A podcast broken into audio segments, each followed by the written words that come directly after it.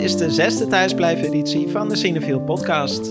De bioscopen zijn dicht, maar wij slepen je door de quarantaine met kijktips en updates van de filmwereld in lockdown. Want thuis kijken, dat doe je zolang de bioscopen dicht zijn ook met Cinefiel. Op vitamine.cinefiel.nl kun je met je pas terecht voor een bonbondoos vol echte Cinefiel films. Sommige van die films hadden nu normaal gesproken in de bioscoop gedraaid, andere zijn wat ouder en kun je eindelijk inhalen. Elke week komen er nieuwe bij, zoals deze week onder meer American Honey, Le Semeur en Mi Vida. En elke week tippen wij drie films uit het aanbod. Dat doen we vanuit huis, zoals elke week, dus misschien klinkt het weer wat rommeliger dan normaal. Ik ben Erik Schumacher en ik ben redacteur van Cinefiel. En aan de lijn heb ik mijn collega's Jesse Heinis en Fien Veldman. Hallo. Hallo. Hallo jongens. Het is nu woensdagmiddag. Uh, er, er, komt vanavond weer een persconferentie. Maar er is net een uh, nieuwsbericht uitgelekt. Um, dat er wellicht sprake van is dat er op 1 juni Heel weer misschien. bioscopen open zouden kunnen gaan. Heeft dit voor jullie al voor grote opwinding gezorgd? Ja, bij mij wel, want ik ben ook jarig op 1 juni. Dus ik zou het echt vet geniaal vinden als er dan Oh. opeens allerlei dingen weer mogen. Dus een soort van feest voor iedereen, weet je wel. Dus met ja, 29 ik hoop vrienden mag je die zaal in. Ja, precies. Ja. En dan mag je met z'n 30 en ik word ook 30, dus het zou echt helemaal perfect zijn. Oh, perfect. Ik zie echt de symboliek hiervan helemaal eh, in. Ja. Het is dan meteen ook voor iedereen duidelijk of ze bij jouw 30 beste vrienden horen. ja, klopt. Ja. Nee, een hele goede selectie moet ik daarin in maken. Ja. Dus, maar daar heb ik nog ongeveer bij een kleine maand voor, dus dat is mooi. ja. ja, en het blijft afwachten, hè? Ja, het zou is- fijn zijn als er iets kan, maar het, ja. Mark Rutte moet nog spreken, dus wie weet eh, komt hij met allemaal slagen om de arm, hoe zeg je dat? Ja. Allemaal Vast wel. Ja. Aanvullende eisen, maar het biedt wel een beetje hoop. Ehm, nou, voorlopig kijken we dus gewoon nog films thuis. En we gaan weer drie films tippen uit het Vitamine Cinefil aanbod. En ik wou beginnen bij Jesse met jouw tip deze week. Welke film wil jij tippen? Eh, mijn tip is Symbol uit 2009, een, een Japanse comedy van Hitoshi Matsumoto. Eh, er staan sowieso niet echt veel comedies op Vitamine Cineville, dus in die zin is het sowieso een aanrader voor als je een keer iets, Wil lachen? iets vrolijkers wil. Eindelijk Eh, lachen. ja. Ehm, al moet ik er wel bij zeggen dat het een hele gekke comedy is, waar, ja, waar misschien niet iedereen ja, even blij van wordt. Ik heb hem destijds gezien in een volle zaal en dat, eh, ja, dat was sowieso helemaal top. Ik weet niet precies hoe het thuis werkt. Ik heb even teruggekeken. Ik vond het nog steeds wel heel erg grappig. Maar het is een, het is een hele gekke film, want eh, Matsumoto, die filmmaker, speelt ook zelf de hoofdrol. En hij is een hele bekende komiek in Japan. En hier in het Westen kennen we hem eigenlijk niet zo goed. En dat was toen ook al niet zo. Eh, hij was heel erg bekend van televisie. En toen heeft hij, op een gegeven moment heeft hij vier films gemaakt, waaronder de Symbol. Eh, en zijn ding is een beetje slapstick en schreeuwen en boos worden en eh, gekke bekken trekken. En in dit geval is dat in een witte kamer. Hij speelt een man in een soort fluoriserende polkadot pyjama die wakker wordt in een witte kamer. En hij begrijpt er eigenlijk net zo weinig van als jij, als kijker. Want hij, ja, hij zegt van, wat doe ik hier? Mag ik hier weg? Nu is het wel leuk geweest. Eh, wie heeft mij hier opgesloten? En eh, wat er gebeurt is, uit die witte muur komt een soort van piemeltje, een engelenpiemeltje. Wat je wel op van Oh, die ja. beelden ziet, weet je wel, aan de kerk heb je wel van die, van die beelden van, van die engelenkinderen die dan zo'n klein piemeltje hebben. En hij drukt daarop en dan hoor je zo, ah, hoor je een soort van piepje. Ja, maar en ook dan een valt soort er van... iets uit de muur. Het is echt een soort van heilig geluidje ook. Ja. Zo, oh, zo echt, Ja. echt mooi is het. Alsof, alsof God iets ja, precies. naar hem brengt. Dus er valt eigenlijk iets uit de muur. En dat is dan een tandenborstel of een stukje sushi of een vaas. En gedurende die film moet hij eigenlijk door steeds op piemeltjes te drukken en nieuwe attributen te krijgen, moet hij een weg zich naar buiten zien te vinden. Dus een soort van escape room. Voordat Ja. iedereen dat deed, deed hij dat dus al. Eh, en ja, dat is ook, verder hoef je er ook eigenlijk niet zoveel over te weten, behalve dat er nog een soort van ja, het, het gaat wel ergens naartoe, maar het is ook gewoon Ja, heel want erg dit, dit klinkt... Dit, ik, heb, ik heb het niet gezien, maar dit klinkt fantastisch in Ja. mijn oren. Maar ik vraag me wel meteen af, zit ik dan die hele film in die in die ruimte? Nee, want Met die piemeltjes? Het, het, zeg maar, om het nog wat verwarrender te maken, is er een soort van tweede verhaallijn die zich afspeelt in Mexico. Eh, en dan volg je een Mexicaanse worstelaar die zich opmaakt voor een gevecht met een soort tegen een gast die veel sterker is dan hij. Eh, en ja, je zit eigenlijk de hele tijd van ja, wat heeft dat met elkaar te maken? En nou ja, zonder al te veel weg te geven, ja, er gebeuren steeds meer dingen waardoor hij eh, een soort van manier gaat proberen te verzinnen om uit die kamer te komen. En dat komt langzaam, komt het samen in een soort van filosofisch slotstuk. Vrij spectaculair, Oh, vrij wazig. Dus je kan ook allemaal ideeën op projecteren van eh, het lot of eh, eh, oorzaak en gevolg. Maar je kan ook gewoon kijken en denken, wat de fuck is dit? waar, zit, waar zit ik naar te kijken? En ik weet Is nog het dat toen, humor... er- oh, sorry, wat hij zegt. nou, toen die film dus in de volle zaal zat, op een gegeven moment, dat was nog, ze draaiden die film toen nog op film, echt met een filmrol. En op een gegeven moment hadden ze die filmrol verkeerd ingestart en was hij op zijn kop.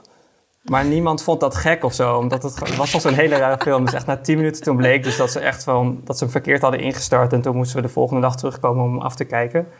Eh, maar dat geeft al een beetje aan van, ja, op een gegeven moment accepteer je gewoon alles van die film.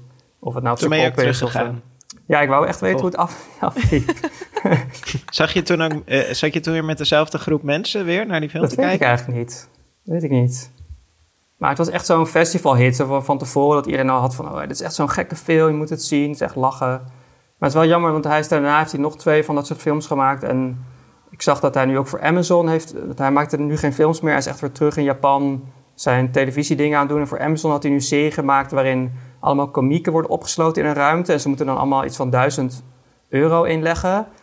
En dan wie als je lacht, we moeten elkaar aan het lachen maken. En als je lacht, lig je eruit. En wie als laatste lacht, die krijgt dan dat bedrag. Dus hij, en hij is dan een soort van de opperkomiek die dan rode en gele kaarten uitdeelt en zo. Dus hij is in, in Japan is hij echt een enorme, ja, echt een grootheid. Eh, en dit was dan echt een, een klein flartje wat dan overvloog en op alle festivals draaide. Maar inmiddels heeft hij zich toch een beetje toegelicht op Japan. Maar dit is wel in ieder geval een hele fijne, gekke film voor iedereen. Ja, nou voor bijna iedereen Ja, misschien. cool. Ja, ja. ja, ik ben super benieuwd. ja. Ehm Fien, welke film wil jij deze week aanraden? Ja, eh, mijn film gaat ook over piemels. Over één eigenlijk. Ehm, ik eh, raad namelijk een documentaire aan. En die heet Wiener. En hij gaat over Anthony Wiener. Eh, het is gemaakt in 2016, maar het gaat over eh, de Amerikaanse politicus Anthony Wiener en zijn campagne om eh, burgemeester van New York te worden. In 2013 probeert hij dat. En ehm, ja, misschien kennen jullie de naam Anthony Wiener al, ook omdat het zo'n significante naam is, maar ook omdat eh, er tijdens deze ehm, eh, campagne eigenlijk een eh seksschandaal eh, eh, aan het licht komt. Hij heeft namelijk nogal suggestieve foto's gestuurd, of eigenlijk per ongeluk op Twitter gezet, wat echt nog knulliger is dan het, dan het sturen gewoon naar iemand. En dat eh, blijkt zeg maar het begin van een soort onthulling over zijn eh, sexting en dickpics die hij eh, in het rond stuurt. En ja, het ga- deze documentaire is dus een soort van portret van, van zijn ondergang. Echt een soort Shakespeareaans eh, verhaal eh, van eh, hoogmoed komt voor de val, eh, achtige proporties. Nou, en hij heet dus Wiener. Dus het, ik ging even een paar dingen opzoeken over nominative determinism. En dat is dus de hypothese dat zeg maar mensen ehm, geneigd zijn om werk te doen of activiteiten te doen die passen bij hun naam. Dus Eh. dat is een soort Eh. theorie die een beetje zo in het wild rond eh, zweeft en nooit echt bewezen is, maar wel leuk is om over na te denken. Dus bijvoorbeeld dat mensen dat, mm, dat een boek over vogels is geschreven door iemand die dan Specht van achternaam heet en zo. Ehm, en dat een verklaring daarvoor, volgens Wikipedia, dus echt totaal niet wetenschappelijk, maar goed. Een verklaring daarvoor is dus dat mensen onbewust een voorkeur hebben voor dingen die ze met zichzelf associëren. Dat het een soort impliciet egoïsme is. Dus dat Anthony Weiner dus gewoon piemels met zichzelf associeert door zijn achternaam. Ja, En hij daar- kan er niks aan doen. Nee, hij kan er Het is, niks het niet zijn schuld. Inderdaad, het is echt een soort van. Dit was nou eenmaal waar hij mee geboren is en hij kan er gewoon eh, ja, niet omheen. Ik Dus, heb een keer eh, gelezen over een man en die ehm, was volgens mij al zijn zevende en achtste kind. Toen kreeg hij een tweeling, geloof ik. En toen dacht hij, nou, tijd voor een experiment. Mhm. Ik noem er eentje loser en de andere winner. In Amerika, want in Amerika mag je gewoon je kinderen alles, Alles noemen, wat je wil. ja, dat zien we nu ook aan eh. Grimes en Elon Musk. Ja, oh ja. Die, die hun kind X Eh, Nog eh, iets. Ja, E, eh, ASR12 hebben genoemd. ja. schijnbaar. Ja. Uiteindelijk is het dus zo dat winner in de gevangenis is beland. En Oh. eh, loser eh, eh, gewoon een prima carrière heeft gemaakt. dus ik vind niet dat Anthony Weiner Nee. zich hierachter kan verschuilen. Nee, precies. Ja, dat, dat- dit hele wetenschappelijke experiment Ja. wat jij nu vertelt.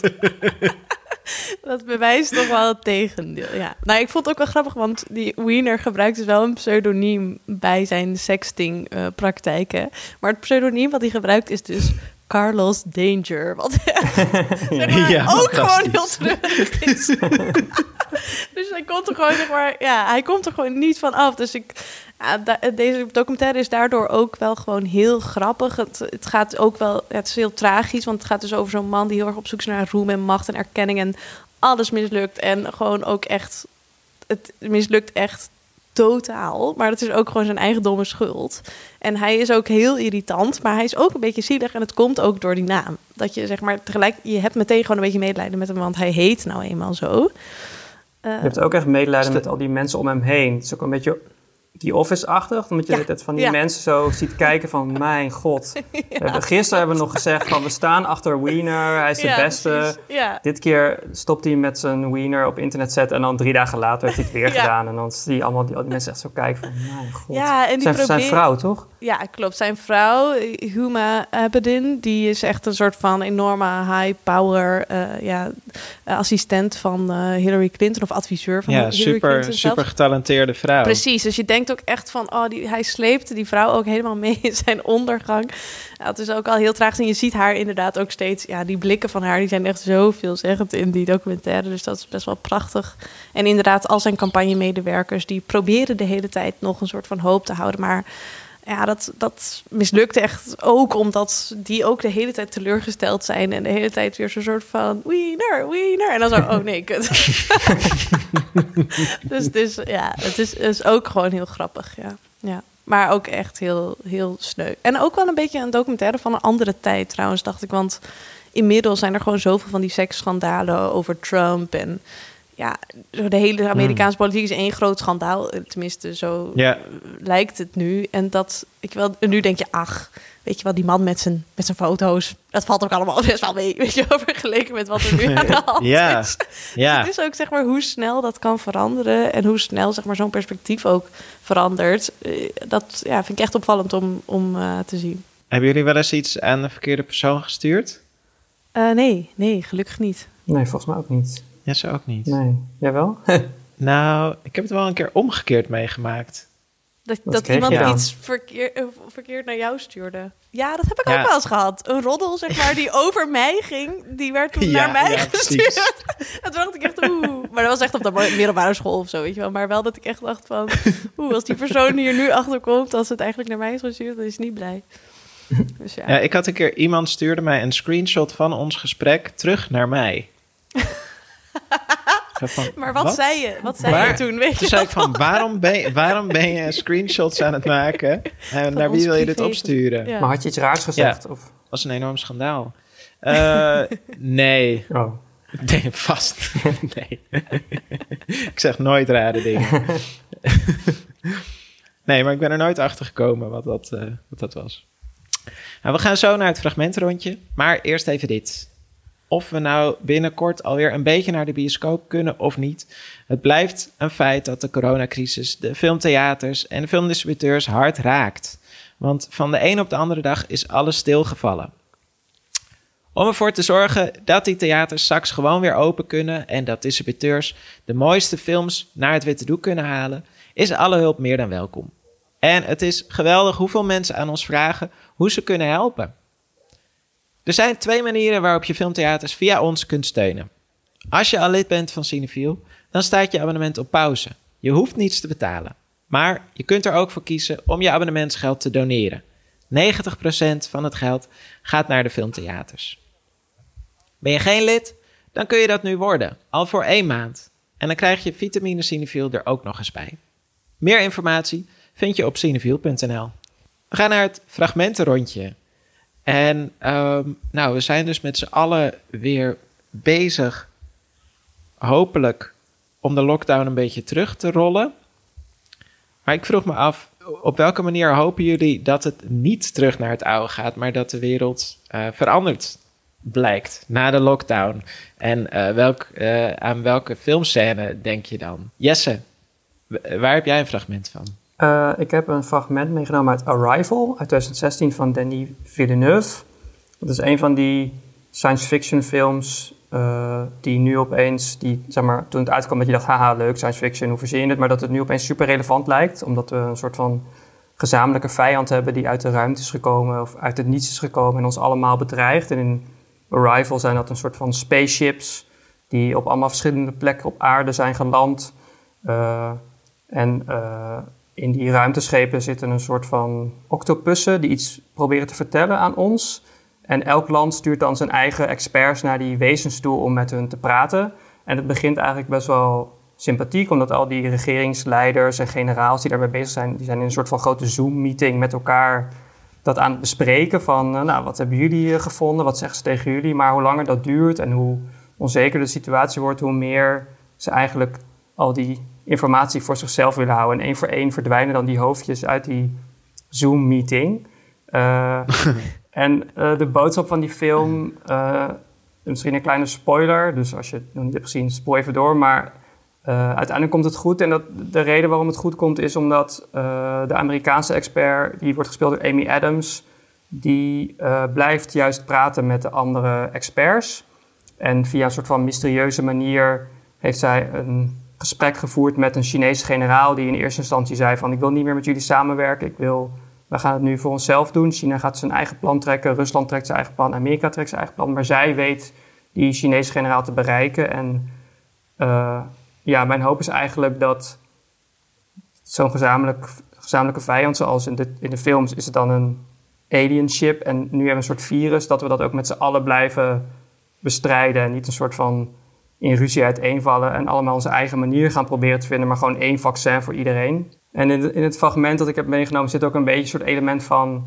je hebt mij persoonlijk bereikt, je hebt mij persoonlijk overtuigd. Dus we moeten niet op onze soort van politieke eilandje zitten... maar echt naar elkaar kijken als mens. En het is misschien een beetje een mysterieus fragment... ook omdat de film een soort van gekke constructie heeft... die ik niet helemaal wil verklappen, maar het, is, het, uh, het zegt wel iets, maar het zegt niet alles. 18 months ago, you did something remarkable. Something not even my superior has done. What's that? You changed my mind. You're the reason for this unification. All because you reached out to me on my private number. Your private number, General, I, I don't know your private number.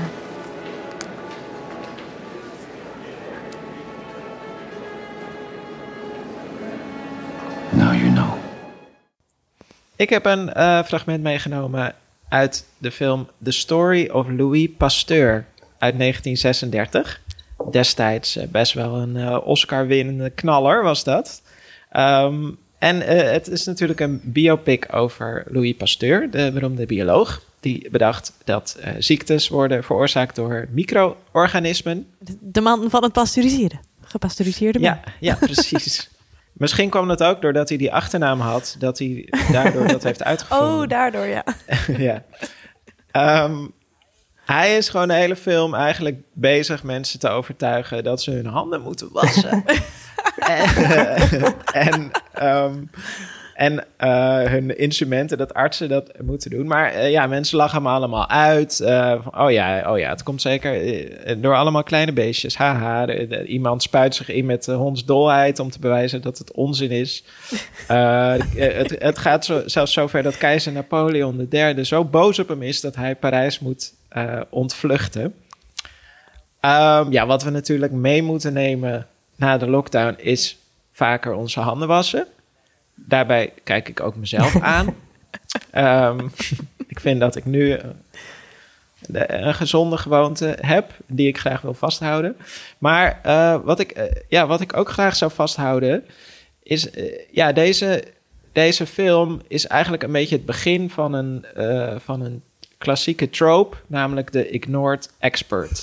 Eh zit in allerlei films. Het beroemde voorbeeld is natuurlijk ook Jaws. eh, Zo'n eh, haaienkenner die dan tegen die burgemeester schreeuwt van... je moet het strand dichtgooien en dan luistert hij niet.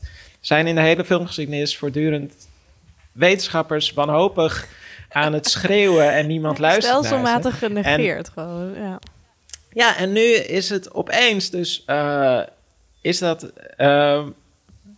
ho- hoor ik eh, Mark Rutte eh, de hele tijd eigenlijk eh, verwijzen naar wetenschappers. En die, ja, die zetten eigenlijk de, de lijn uit. Nou ja, die zijn natuurlijk ook niet allemaal met elkaar eens. Het blijft politiek, maar ik... ehm, ja, ik kan daar wel met verbazing naar kijken, gezien het feit als het over het klimaat gaat, dan eh, moet zelfs de rechter hem vertellen dat hij Ja. eh, beter naar de wetenschap moet luisteren. En eh, dat doet hij dan nog steeds niet. Dus ehm, ik hoop dat, dat hij dat dan opeens eh, op alle vlakken gaat doen. en dat Wie weet. iedereen beter Ah. luistert naar schreeuwende wetenschappers Ja. in hun wanhoop. Sire, the hospitals of Paris are pest houses. There's scarcely a doctor in the city who's not carrying death on his hands and instruments. Because of microbes, monsieur? Your private menagerie of invisible beasts? Exactly. They breed in filth. They may start from the gutter of Paris tonight and by tomorrow claim some mother from this very court. Stop! You should know better, monsieur. The Comtesse Gabrielle is Her Majesty's sister. I forbid any more. Fien, welk fragment heb jij meegenomen? Ehm, ja, ik heb ehm, de ultieme plattelandsfilm eh Le Semeur eh, uitgekozen. En deze film gaat over een Frans dorp waar alleen maar vrouwen wonen. En in tegenstelling tot wat je misschien van mij zou verwachten, is dat niet mijn hoop voor de toekomst. Maar mijn hoop is dat ehm, ik in ieder geval zelf, maar misschien ook andere mensen, iets meer met de natuur gaan leven en wat minder eh, ja, rekenen op zeg maar externe, nou, ja, bijvoorbeeld bedrijven, dat soort dingen. Dus dat die zelfvoorzienendheid van die film, want het is een soort autarkisch eh, dorp daar. eh, dat, dat vind ik heel inspirerend. Dus mijn hoop was eigenlijk een soort van de hoop op het einde van het kapitalisme. Maar goed, het was misschien Oh, iets oh. wat groots, de grootste droom. Maar, eh, maar goed, maar de, Jesse, de huizenbezitter, die begint nu eh, te rustig. protesteren. En net een huis gekocht. Fien gaat het kapitalisme afschaffen.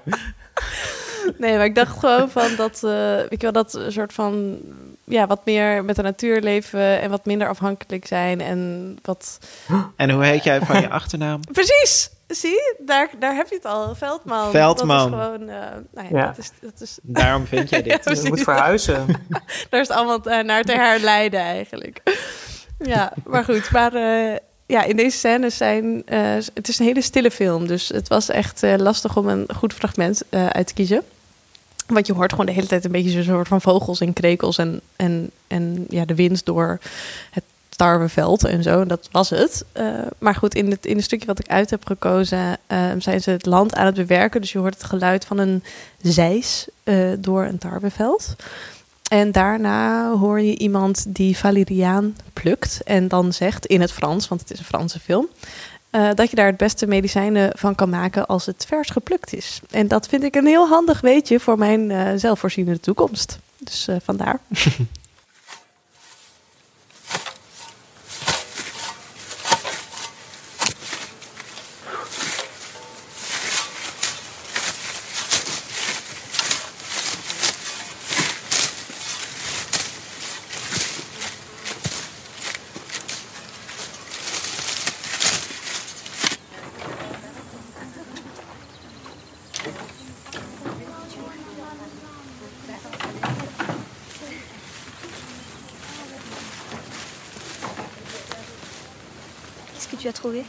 De la valériane.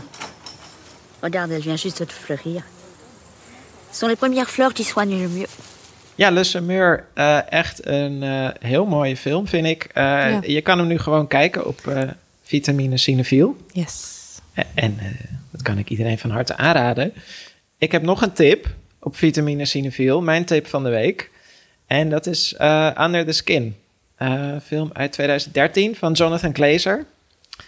En ik heb een poster van deze film boven mijn bed hangen. Zo Wow. erg fan ben ik. Echt? Oké. ik word elke dag wakker met deze film. Met het hoofd van Scarlett Johansson? Of, eh, ja, klopt. Ja, haar gigantische hoofd. Ja. Staat ook op kantoor Eh, bij ons, hè? Ja, ik heb, volgens mij hebben we een keer op, op kantoor hebben we er een paar gekregen of zo. En toen heb ik er eentje meegenomen. Dus het is ook weer niet zo dat ik speciaal deze poster heb besteld. Maar het is wel echt een van mijn lievelingsfilms van de jaren tien. En ik heb hem net opnieuw gekeken en ik eh, vind hem... eh, ja, ik, ben- ik ben opnieuw weer zo onder de indruk eh, ja, is het van nog deze steeds? film. Blijft hij nog steeds in die lievelingsfilm? viel me totaal niet tegen. Nee, de poster blijft aan de muur. Oké, ja. Ehm, ja, het is dus, het is dus met, met Scarlett Johansson. Ja, zij speelt een alien of zo. Ik, eh, dat wordt niet helemaal duidelijk. Eh, in ieder geval is ze een eh, wezen dat zich als mens vermomt. En ze is ook op een onduidelijke missie. ehm, die in ieder geval inhoudt dat ze mannen moet vermoorden. Ehm, ja, dat dat allemaal onduidelijk is, dat doet er eigenlijk helemaal niet toe. Dat, dat doet niks af aan de film. Dat maakt het juist sterker, eigenlijk, denk ik. Ehm, nou, om die mannen te verleiden. ehm, of ja, om die mannen te vermoorden wil ze ze gaan verleiden. En dan moet ze dus eh, menselijk gedrag gaan bestuderen. Ehm, dus het doet ook wel een beetje denken aan eh, kunstmatige intelligentie of zo. Gewoon heel, dan gaat ze van die gesprekjes voeren en dan leert ze daarvan. En eh, ze is gewoon heel, heel erg aan het observeren. En dat, doet die, dat zit dan ook heel erg in die, in die stijl van die film. Eh, die neemt het ook over. Een eh, stille, observerende eh, film. Maar ja, ze ontdekt eigenlijk dat het helemaal niet zo ingewikkeld is voor haar om die mannen te verleiden. Want Het is Scarlett Johansson. ja ze is. Scarlett Johansson. Ehm, ja, in die opzicht is het eigenlijk, en, is het, is het eigenlijk denk ik een heel goede dubbelbil met eh Wiener. Eh, want eh, eh, ja, zodra die mannen ook maar een beetje de kans zien op seks met deze mooie vrouw, dan doen ze de domste dingen. en ja, nemen ze, nemen ze alle risico's en gaan ze met haar mee. Ehm, eh, ja, in die, in die zin vind ik het ook een heel grappige film eigenlijk over ja, die domme Zul, zul- mannen die- zulligheid. Ja, zullige, over die zulligheid van die mannen. Ja. Maar het is Ja. ook een, een super mooi vormgegeven film. Het, is, het, is, ja, het speelt zich dan af in, in Schotland. eh, geweldige landschappen. En dan lokt zij die mannen mee naar een huis. En dan, en dan komen ze daar binnen in dat huis. En dat is dan een soort ja, een oneindige zwarte ruimte. En dan loopt zij naar binnen en strekt haar kleren uit. En die mannen die lopen er dan achteraan, maar die verdwijnen in een soort drap. Maar die blijven eigenlijk gewoon. Dat, dat maakt ze nog steeds niks uit. Ze, gaan, ze kijken alleen maar naar haar en ze lopen achter haar aan. En dan gaan ze. Dan verdwijnen ze in die, eh, in die drap. Ehm, ja, de ontwikkeling is dan natuurlijk. ehm, of ja, natuurlijk. Zoals dat eh, ja, vaker gaat bij, bij films over eh, aliens of robots. Ehm, ja, gaat het over de vraag van wat maakt mensen mensen? En ehm, dat krijgt ze dan door en dan ziet ze in die, in die, ja, die, die zwaktes en die kwetsbaarheid ehm, ook iets ontroerends. En ze wordt zelf ook weker eigenlijk. Eh, ze wordt zelf ook steeds menselijker. En ik vind het heel mooi hoe, die, hoe ik nu... Dat viel me nu op dat die hele soort van textuur van die film verandert. Eh, aan het begin is alles glimmend zwart. En op het einde is alles helemaal modderig bruin geworden. ik, ja, ik, ik vind het echt opnieuw weer een eh, fascinerende film. Het is zo goed gemaakt. Alles is zo precies en verzorgd. En, en geïnspireerd, vol verbeelding. De, de, die, die soundtrack van, van Mika Levi vind ik... Levi is, is ook echt eh, waanzinnig. Zo eh, onheilspellend en, en buitenaards, maar nog steeds met eh, ja, strijkers, waardoor het weer heel menselijk klinkt. Ik kan er niet over uit, over deze film.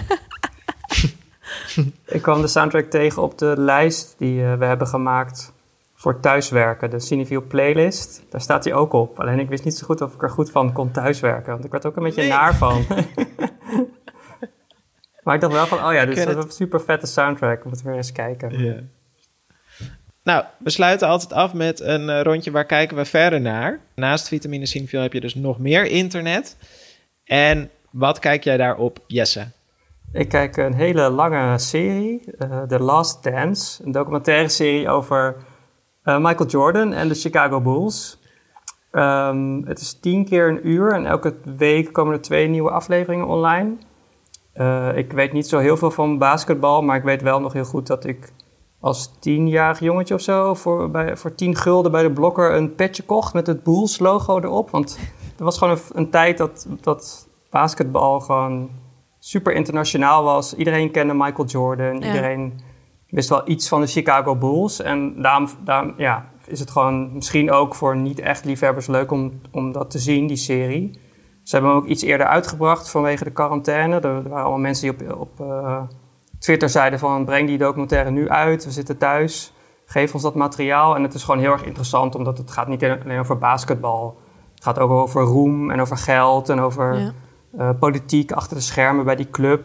Ze noemen het ook steeds een franchise, de, de, de Chicago Bulls franchise. Dat geeft ook een beetje aan Ja. hoe... Van die petjes. Ja, van de petjes, van, deel de, van de van de. Dat die merchandise. bij de blokker gewoon te Ja. koop zijn. ja. ja. Maar is, Mike, is Michael Jordan eh, ja, charismatisch genoeg om zoiets te dragen? Ik bedoel, hij komt op mij altijd een beetje perfect over, maar ook wel een beetje saai misschien. Ja, wat, wat ze heel goed doen is dat ze, ehm, ze, ze beginnen, of elke aflevering is een soort van mix van hoe het zeg maar het laatste jaar was dat hij basketbalde, of zeg maar het laatste succesjaar en, en dan terugkijken. Dus je hebt de hele dat laatste jaar waarin heel veel conflict was tussen de, tussen de teamleden en tussen de teamleiding.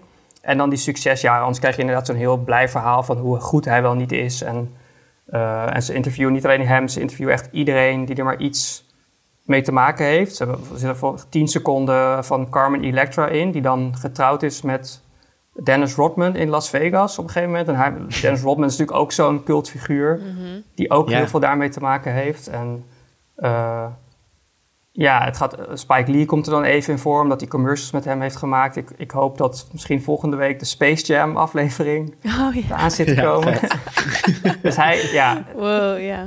het is gewoon, er gebeurt zoveel. Er zitten ook heel veel basketbalbeelden in. Maar het, is gewoon, het gaat ook gewoon over iemand die, ja, ik wil niet zeggen kapot gaat aan de roem, maar waarbij wie dat wel een enorme rol speelt. En eh, ja, hij was op een gegeven moment gewoon Ja. de grootste ster samen met Michael Jackson misschien en nog twee anderen van de wereld. En niet alleen van Amerika. En dat, ja, dat maakt hem in ieder geval sowieso interessant. En er zijn best wel wat, wat dingen gebeurd waardoor die serie ook vol zit met conflict eigenlijk. En niet alleen maar met de mooiste dunks of de mooiste driepunters van hem. Dus het is... eh, Dus je hoeft niet een basketbalfan te zijn om... ja, ik, ik weet. Ja, het is. Ik ben dus geen basketbalfan, maar ik heb er wel iets mee. Ik heb wel dat natuurlijk ooit gekeken, maar als je er een klein beetje van houdt en je houdt gewoon van goede, het zit gewoon heel goed in elkaar ook qua ver- verhaal. Eh, ja, Over Space Jam trouwens. Eh, daar nog heel even een, nog even een mini-tip daarbij. Of over het internet en Space Jam. Namelijk de website van Space Jam is zeg maar sinds 1996 of wanneer het ook maar was, niet meer vernieuwd. En het is echt fantastisch. Hij is nog steeds online. en het is echt heel leuk als een, in een soort van internet-nostalgie om daar even op te kijken. Dus dat, Een soort dat is even- monument. ja, het is echt een monument. Ja, ja, ja, en wat is de URL? tof. Ja, weet ik niet. Maar ik denk dat als je het googelt, dan kom je. Spacejam.geocities. Ja, precies. Zoiets. dat is Dat is echt, een eh, grap die alleen oude mensen begrijpen. Oké, ehm Fien, wat is, jouw, wat is jouw Ja. kijktip? Oh ja, mijn thuiskijktip. Ehm ja, ik zit helemaal in de, de nou ja, plattelands i- idylle, zoals ik net al eh, zei. En ik ben heel, dus heel veel country ook aan het luisteren. En er is een documentaire op Netflix over Dolly Parton. En die heet Here I Am. Ik zit ook helemaal dus in een Dolly Parton fase, want haar muziek is ook gewoon super geniaal. Zij is geniaal, echt. Nou ja, ik, ik vind het echt fantastisch. Dus Ik heb die documentaire gekeken en het was echt enorm leuk. En ja, ik hou ook heel erg van muziekdocumentaires. Dat je echt heel erg eh, leert hoe dus bijvoorbeeld iemand een liedje schrijft. Uh, en Oh. ja, hoe zij dat dan ook dus helemaal Word je uit. daarin meegenomen? Ja, daar word je echt helemaal in, in meegenomen. Dat ze helemaal gaat uitleggen hoe ze dan bepaalde nummers eh, schrijft. En wat, met wat voor idee ze begint. En hoe ze daar dan ja, eh, allerlei coupletten bij verzint. En bijvoorbeeld van 9 to 5 vertelt ze dus... Dat, dat is dus de soundtrack ook van die film. En dat ze dan eh, met eh, Jane Fonda, Lily Tomlin speelt ze in die film... En dat ze dan dat nummer 9 to 5 gaat, gaat schrijven. Van, eh, nou, iedereen, iedereen kent het op zich. Maar dat ze dan dus echt elke dag verzint ze gewoon een nieuw couplet erbij. Dus op een gegeven moment heeft dat nummer gewoon super veel coupletten. Omdat zij, ja, ze is gewoon echt zo'n heel erg creatieve geest. Eh, en dat vindt ze ook gewoon grappig om dat dan eh, aan Jane Fonda, Lily Tomlin de hele tijd, weet je wel, voor te leggen. Zo, wat vind je niet van dit couplet? Nou ja, dus, eh, dus dan heeft ze dus een hele lijst coupletten. En op een gegeven moment schrapt ze natuurlijk een groot deel, zodat het echt een, een hit wordt. Eh, nou, Nou, jammer dat dat niet een nummer van 20 minuten is Ja. geworden. Precies, ja. Zo'n soort van, hoe heet dat nummer ook weer? American Pie of zo. Dat weet je wel, met superveel ja, ja. Dat, eh, ja. dat gewoon 9 to 5 gewoon een soort van... Ook echt letterlijk van 9 to 5 gewoon duurt. Eh, Maar... eh, nee, maar eh, ja, het is echt een hele leuke documentaire. Ook in dat nummer hoor je bijvoorbeeld ook... De hele tijd zo'n soort van ja, geritselachtig beat... En dat is dus gemaakt, want je kan ook, ja, het is zo moeilijk om een instrument te identificeren daar. eh, maar dat is dus Dolly Parton die haar nagels tegen elkaar aan, eh, ja, een soort, soort van, ze speelt haar nagels eigenlijk. En eh, die nagels doet ze tegen elkaar aan en dat maakt dus de beat. Dus dat is echt, nou, vond ik heel leuk. Kan jij dat nu te- even nadoen met je nagels? Ja, ik heb hele korte microfoon? nagels, dus dat, dus je hoort het denk ik niet. Shh. Hoor je dat? Ja, zij, ja, Dolly Parton heeft natuurlijk hele lange nagels, dus dat, Ja. dat is een stuk Heel beter geluidseffect. Ja. Dus, eh, maar goed, en, en Dolly Parton heeft trouwens ook eh, onlangs een miljoen gedoneerd aan eh, een universiteit om eh, onderzoek te doen naar eh, COVID-19. Dus het is een beetje support voor Dolly Parton. Ook gewoon. Go erg, Dolly. ja, go Dolly. Ja. Ik, eh, ik heb ook een thuiskijktip. Eh, en dat is eh The Hardest Working Cat in Showbiz. Dat is een korte film van Sofia Bogdanovic. Eh, die is online gekomen. En het, is een, het is een film die is gebaseerd op een essay van Dan Sallet. En dat is eigenlijk een man die geobsedeerd raakt door een kat die hij in een film ziet. En die, die gaat hij een beetje kijken, wie, wie is deze kat? En dan realiseert hij zich, oh, dat is Orangey, een super beroemde filmkat met heel veel titels op zijn naam. Eh, bijvoorbeeld Breakfast at Tiffany's is natuurlijk eh, een heel eh, iconische rol van deze Orangey. Orangey is, ook- dat vind ik een heel leuk detail. Orangey is de enige kat die tweemaal de Patsy Award heeft gewonnen. en dat is de Picture Animal Top Star of the Year Award. Oh, Topstar. Ja. Dus het, eh, ja, het is eigenlijk. Het, het, eh, het, eh, het filmpje begint eh, onschuldig als een eh, vrolijke ode aan deze ongelooflijk veelzijdige acteur. Oh jee. Ehm, maar dan nee, het wordt niet heel grimmig. Ik wou net zeggen, wat, wat komt er nu? maar dan. dan komt er een muizenfamilie. Nee, ehm, nee, dan duikt hij eigenlijk iets te diep in eh, dit charmante fenomeen. ja, Ehm, dat moet je eigenlijk nooit doen. En gaat, nee, Ja. moet je nooit doen. En dan denkt hij, hoe kan één kat nou zoveel kunstjes? Hij gaat op onderzoek en er blijkt onthutsend eh, bedrog in het spel. Uiteindelijk gaat het over hoe we het werken met dieren eh, romantiseren eigenlijk. Ja. En hoe ook de mensen die dat doen actief die mythes in stand houden. Dus ik, ik vond dat een, een heel boeiende eh, en, en ook gewoon leuke korte film, omdat er toch gewoon heel veel beelden in zitten van acterende katten. En dat, dat is altijd leuk. dat is vermakelijk. ja, sorry. Ehm, die staat op eh, Vimeo. We zetten alle links eh, in de show notes. Nou, dit was hem weer, de zesde thuisblijf-editie van de Cinefiel podcast. Vien en Jesse, bedankt voor het bellen. Gedaan. De films waar we het vandaag over hebben gehad. Symbol, Wiener en Under the Skin zijn nu te zien op Vitamine Cinefiel. Wil je delen waar jij naar kijkt in de quarantaine of heb je vragen of opmerkingen? Je kunt ons altijd mailen op podcast.cinefiel.nl en tweeten op @cinefielpod. Heel graag tot volgende week. Doei. Doei.